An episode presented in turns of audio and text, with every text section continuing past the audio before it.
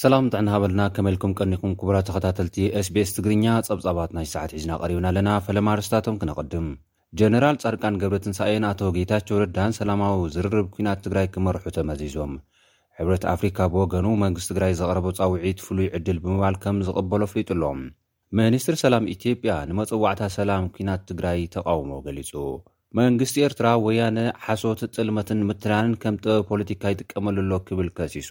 ፕረዚደንት ትግራይ ብወገኑ፣ ሰራዊት ኤርትራ ብዘይምልከተካ ኲናት ንኸንቱ ካብ እትመውት ኢድካ ብምሃብ ህይወትካ ኣድሕን ክብል ጸዊዑ። ክቡራት ተኸታተልቲ፣ ኣርእስታት ዜና ክትከታተሉ ጸኒሕኩም፣ ሕጂ ናብ ዝርዝራቱ ክንሓልፍ። መንግስቲ ትግራይ ብሕብረት ኣፍሪካ ዝግበር ከይዲ ዝርርብ ሰላም ከምዝቐበሎ ኣፍሊጡ። ብወገን ትግራይ ነቲ ዝርርብ ክመርሑ ጀነራል ፃድቃን ገብረትንሳኤን ኣቶ ጌታቸው ረዳን ከምዝኾኑ እውን ሓቢሩ ኣሎ። እቲ ትማሊ ኣብ በዓል ሓዱሽ ዓመት ክልተ ሽሕን ዓሰርተ ሓሙሽተን ዝወፀ መግለፂ ምቹው ኩነታት ንምጥጣሕ ብቕልጡፍን ብናይ ሓባር ስምምዕ ግጭታት ደው ንምባል ብወገን ትግራይ ድልውነት ከምዘሎ ረጋጊፁ ኣሎ። ብሕብረት ኣፍሪካ ዝምራሕ ዝርርብ ተኣማኒ ክኸውን ትፅቢት ኣለና ዝበለ እቲ መግለፂ ክሳተፉ ዝግብኦም ዝበሎም ኣካላትን ዝህልዎም ብፅሒትን እውን ዘርዚሩ ኣሎ። ናይ ሓባር ተኣማንነት ዘለዎም ኣላዘብቲ ከምኡ እውን ንምትእምማን ዝሕግዙ ነቲ ልዘብ ብእምነት ዘፅንዑ ስምዓትን ትግባረ እቲ ስምምዕ ዝከታተሉ ዓለም ለኻዊ ተዓዘብትን ክሕወሱ ይግባእ ኢሉ። ብተወሳኺ ነቲ ልዝብ ተወሳኺ ምኽርን ሓገዝን ዝህቡ ዓለም ለኻውያን ሰብ ሞያ እውን ክህልው መግለፂ ክልላዊ መንግስቲ ትግራይ ሓቲቱ ኣሎ። ብወገን ኢትዮጵያ ምክትል ቀዳማይ ሚኒስትርን ሚኒስትር ጉዳይ ወፃእን ደመቀ መኮነን ዝርከቦም ኣርባዕተ ተላዘብቲ ዝሓለፈ ወርሒ ሰነ ከምዝተመዘዙ ዝፍለጥ እዩ። ነዚ ስዒቡ ሕብረት ኣፍሪካ ነቲ መንግስቲ ትግራይ ዘቕረቦ ፃውዒት ፍሉይ ዕድል ብምባል ከምዝቕበሎ ኣፍሊጡ።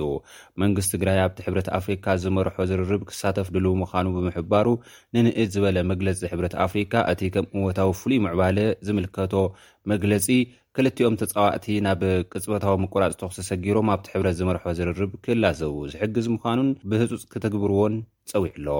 እቲ ሕብረት እቲ ዝርርብ ሰላም ብህጹጽ ክጅምር ከም ዝደሊን ንተኣማንነቱ ከም ዝሰርሕ ማሕበረሰብ ዓለም እውን ከተባብዖ ከም ዝግባእ ኣፍሊጡ ኣሎ። መንግስቲ ትግራይ ንፍሉይ ልኡኽ ሕብረት ኣፍሪካ ኦሌሴንጎ ኦበሳንጆ እምነት ከሕድረሎም ከም ዝጽገም ክገልጽ ጸኒሑ እዩ። ኣቦ ወንበር እቲ ሕብረት ሙሳ ፋቂ መሀመት ብወገኖም ሓላፍነት ናይቶም ልኡኽ ከም ዘናውሕዎ ብዝሓለፈ ቀዳም ኣፍሊጦም ነይሮም። መንግስቲ ትግራይ ምውፃእ ሰራዊት ኤርትራ ካብ ትግራይ፣ ምምላስ ምዕራብ ትግራይ ናብ ሕገ መንግስታዊ ቦትኡ ከም ቅድመ ኩነት የቕምጥ ከም ዝነበረ ዝፍለጥ እዩ።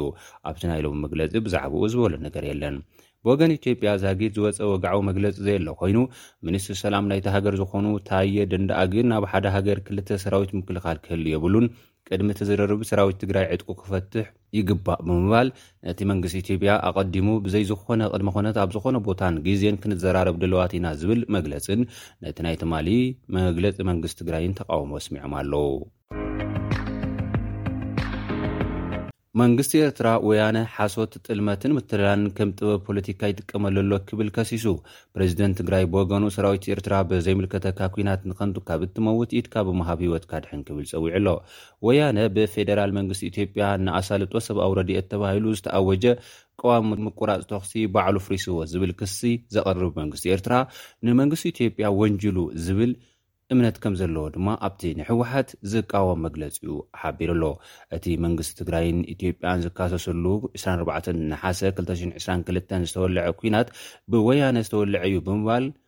ባህሪ ናይቲ ስርዓትን ኣሳሰይትን ዝበሎም ኣካላት ከም ዝኾነ መግለጺ መንግስቲ ኤርትራ ይዝርዝር።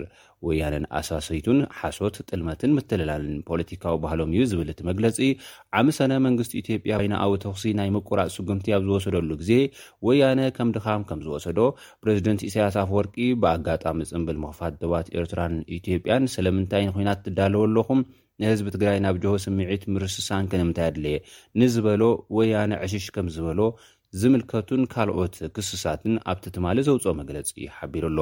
ፕረዚደንት ትግራይ ብወገኑ ንሓዱሽ ዓመት ክልተ ሽሕን ዓሰርተ ሓሙሽተን ዓመተ ምህረት ኣመልኪቱ ኣብ ዘሕለፎ መልእኽቲ ህዝብታት ኢትዮጵያን ኤርትራን ደቅኹም ኣክቡ ብምባል ሰራዊት ኤርትራ ኣብ ዘይምልከተካ ኲናት ንኸንቱ ካብ እትመውት ኢድካ ብምሃብ ህይወትካ ኣድሕን ክብል ጸዊዑ ኣሎ። ህዝቢ ኢትዮጵያ ንደቅኹም ሕዙን ኣክቡ! ኣብ ዘይኮነ ሕሱር ታሪኽ ካብ ዘየድሊ ሞት ንባዕሎም ከድሕኑ ክትቃለሱ ይግባእ ህዝቢ ኤርትራ እውን ከምኡ ህዝቢ ትግራይ ምስ ህዝቢ ኤርትራ ዘቀራርብ እምበር ዘባእስ የብሉን ሰራዊት መንግስቲ ውልቀ መላኺ ኢሳያስ ኣፈወርቂ እውን ኣብ ዘይትፈልጦ መጋበርያ ኩናት ኮይንካ ትጥጠቕ ኢኻ ዘለኻ ዘለካ ዕድል ዝሓለፈ ይኣክል ኢልካ ከንቲ ሞት ካብ ትመውት ኢድካ ንሰራዊት ትግራይ ብምሃብ ህይወትካ ክተትርፍ ክትፅዕር ይግባእ። ብወገና ከም ወትሩ ኣድላይ ምትሕባር ከም ንገብር እውን ደጊምና ነፍልጠኩም ደሊ። ብኣንጻሩ ኣብዚ ሕማቅ ግዜ ኣብ ጎኒ ህዝቢ ትግራይ ዝተሰለፍኩም ዝደገፍኩም ውልቀ ሰባት፣ ጉጅለታት፣ ፓርቲታት ዲያስፖራ ኤርትራ ዝለዓለ ምስጋና ይብጻሕኹም።